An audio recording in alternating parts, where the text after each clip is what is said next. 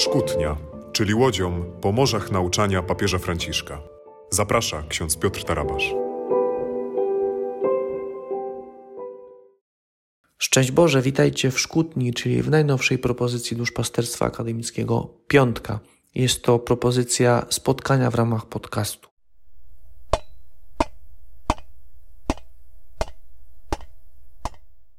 Być może kiedy słyszysz te słowa, zadajesz sobie pytanie, dlaczego szkutnia, skąd ta nazwa, dlaczego akurat taką wybraliśmy.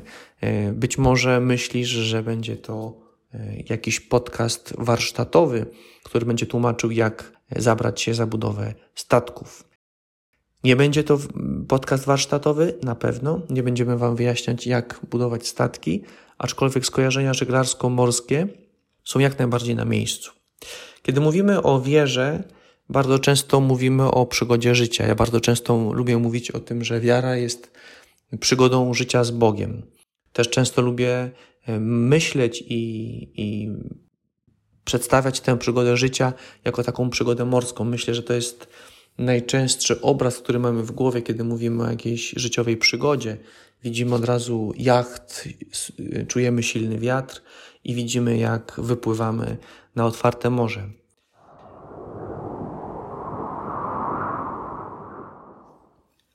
Kiedy mówimy i myślimy o Kościele, jednym z najczęstszych obrazów, które używamy do opisywania tej rzeczywistości, jest obraz łodzi. Wspominamy jednocześnie początki samego Kościoła. Wspominamy apostołów, którzy byli rybakami. Wspominamy powołanie świętego Piotra, który został wezwany przez Jezusa do tego, aby był rybakiem ludzi, aby łowił ludzi do tego kościoła. Wszyscy, myślę, doskonale pamiętamy te słowa, które Jezus skierował do świętego Piotra, kiedy go wzywał, kiedy powiedział do niego: Wypłyń na głębie. My również chcielibyśmy wypłynąć na głębie w tej łodzi, którą jest Kościół. Choć do wypłynięcia w ten rejs niewątpliwie potrzebujemy troszeczkę szaleństwa, takiego młodzieńczego zapału, pragnienia przygody, to wiemy, że żeby ta, ta łódź mogła dopłynąć do portu, do którego zmierza, potrzebuje dobrych marynarzy. Ci marynarze muszą wiedzieć, jak funkcjonuje statek, jak jest zbudowany, po to, żeby mogli żeglować, żeby mogli poradzić sobie w tych trudnych chwilach, żeby mogli nawigować i mogli doprowadzić ten statek do portu. Stąd właśnie szkutnia, czyli propozycja spotkania się z podstawami wiary, spotkania się z tym, co stanowi pewien szkielet y, Kościoła, y, ten teoretyczny, teologiczny spotkanie y, z najważniejszymi prawdami wiary. Myślę, że nie musimy mieć jakiegoś wielkiego doświadczenia e, morskiego, żeby wiedzieć, że najważniejszą osobą na statku jest kapitan. E, w statku, którym jest Kościół, kapitanem jest sam papież, będący następcą świętego Piotra. Stąd w naszym podcaście, który zatytułowaliśmy Szkutnia, będziemy chcieli zapraszać Was za każdym razem do słuchania naszego kapitana, Piotra naszych czasów, papieża Franciszka, chcielibyśmy rozpocząć od ostatniego dokumentu, który nam zaproponował, czyli encykliki Fratelli Tutti. Kiedy po raz pierwszy usłyszeliście lub przeczytaliście tytuł naszego podcastu, czyli Szkutnia, prawdopodobnie weszliście od razu do słownika języka polskiego bądź do jakiejś wyszukiwarki, żeby sprawdzić, co to znaczy. Wiele osób może tego określenia nawet nie znało. I kiedy znaleźliście w internecie wyjaśnienie, od razu w tym wyjaśnieniu pojawiły się różne inne określenia, słowa, których po prostu nie znaliście. E, chyba, że jesteście fanami żeglarstwa, chyba, że znacie się świetnie na tej terminologii, to wszystko było dla Was jasne. Jednak ktoś, kto nie orientuje się w tej terminologii, mógł poczuć się zagubiony. Oto pojawiły się nowe pojęcia jak keja, reja, flagstock, bukszpryt, takielunek, szkuner, etc. Pojęcia absolutnie podstawowe i znane wszystkim fanom żeglarstwa, ale nam, lajkom, zupełnie nieznane. I rzeczywiście tak jest. Jeśli wchodzimy w jakąś nową e, tematykę, jakieś e, tematy, które do tej pory były dla nas obce czy nieznane, zawsze zaczynamy od poznania terminologii. Bo jeśli nie poznamy tych pojęć, powiedzielibyśmy technicznych, to żaden tekst, żadne informacje wyjaśniające nie będą dla nas jasne i, i klarowne.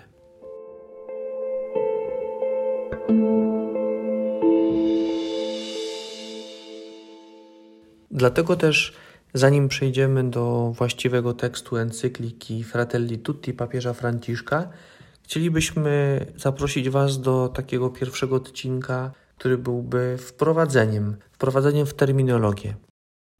Myślę, że takie zagadnienia wstępne będą bardzo pomocne, bo niekiedy w kościele używamy różnych pojęć, często bardzo pięknych, ładnych, ale których znaczenia nie do końca rozumiemy, a wstydzimy się zapytać. Dlatego w tym odcinku chcemy powiedzieć kilka słów o dokumentach papieskich. Fratelli Tutti, czyli najnowszy dokument papieża Franciszka, jest encykliką, czyli jednym z rodzajów dokumentów papieskich, jednym z najważniejszych. Dokumenty papieskie to generalnie wszystkie akty prawne i dokumenty, które są wydawane i podpisywane przez papieża. Warto zaznaczyć, że nie wszystkie z tych dokumentów pochodzą bezpośrednio z jego inicjatywy, niemniej jednak są przez niego zawsze podpisywane, sygnowane nazwiskiem. Faktycznie mogą powstawać w wyniku pracy jakiejś komisji, kurii rzymskiej, soboru, synodu, ale ze względu na to, że papież jako następca świętego Piotra ma najwyższą władzę w kościele, tak naprawdę bez jego podpisu tego typu dokumenty nie miałyby mocy wiążącej. Dlatego wszystkie je nazywamy dokumentami papieskimi, aczkolwiek nie wszystkie napisane są bezpośrednio przez papieża. A teraz kilka słów o tym, jakie są rodzaje dokumentów papieskich. Po pierwsze, najważniejszym dokumentem o najwyższej randze jest tak zwana konstytucja apostolska.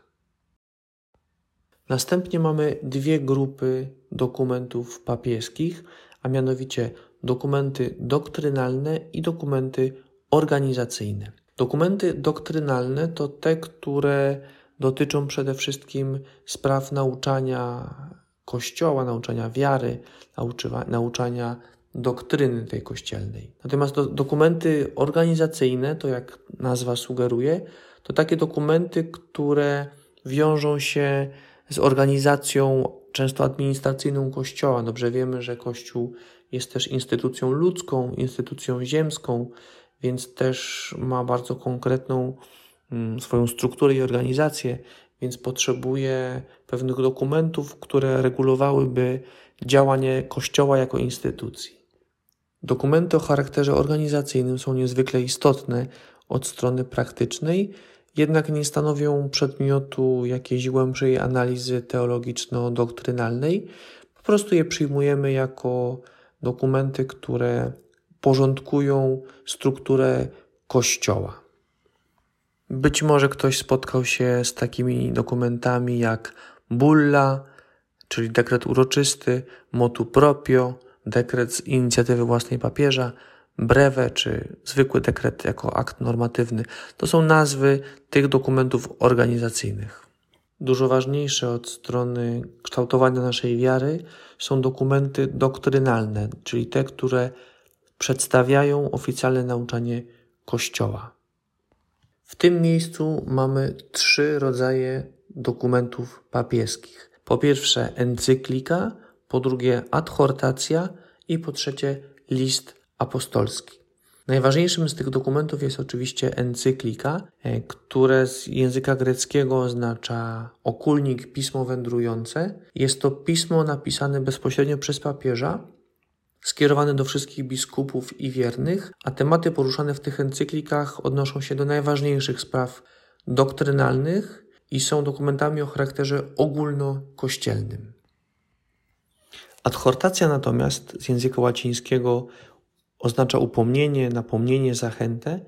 To też dokument zwyczajnego nauczania papieża, ale adresowany do określonej grupy osób, np. zakonników, rodzin. Najczęściej stanowi podsumowanie synodu biskupów e, lub zestawienie wniosków, jakie płyną z tego synodu. W tym miejscu pojawiło się nowe pojęcie, a mianowicie synod. Synod biskupów to instytucja doradcza w Kościele i jest zebraniem biskupów z różnych regionów świata w celu omówienia zagadnień związanych z działalnością Kościoła.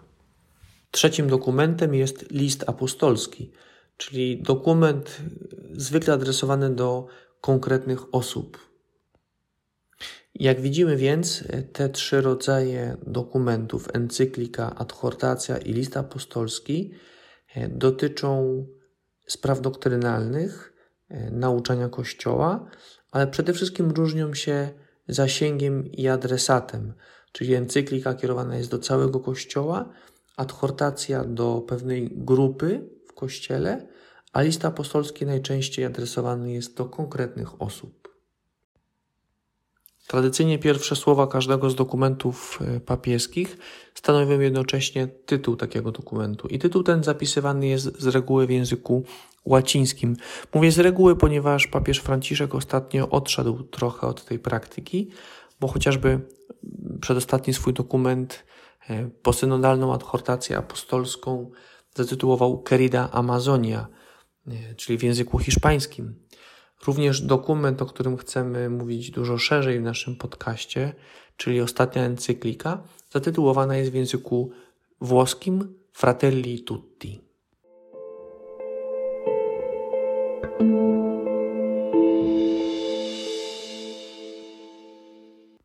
Moi kochani, myślę, że to tyle e, w tym pierwszym naszym podcaście, który był takim wprowadzeniem terminologicznym, e, wprowadzeniem, który ma nas przygotować do konkretnej analizy e, dokumentu papieskiego. Jak już dwukrotnie wspomnieliśmy, chcemy zatrzymać się nad najnowszą encykliką papieża Franciszka, czyli Fratelli Tutti. Zapraszam Cię bardzo serdecznie do śledzenia tego podcasta do tego spotkania i przede wszystkim zapraszam Cię do tego, abyś razem z nami wyruszył w tę podróż, w ten rejs, gdzie kapitanem będzie następca świętego Piotra, papież Franciszek.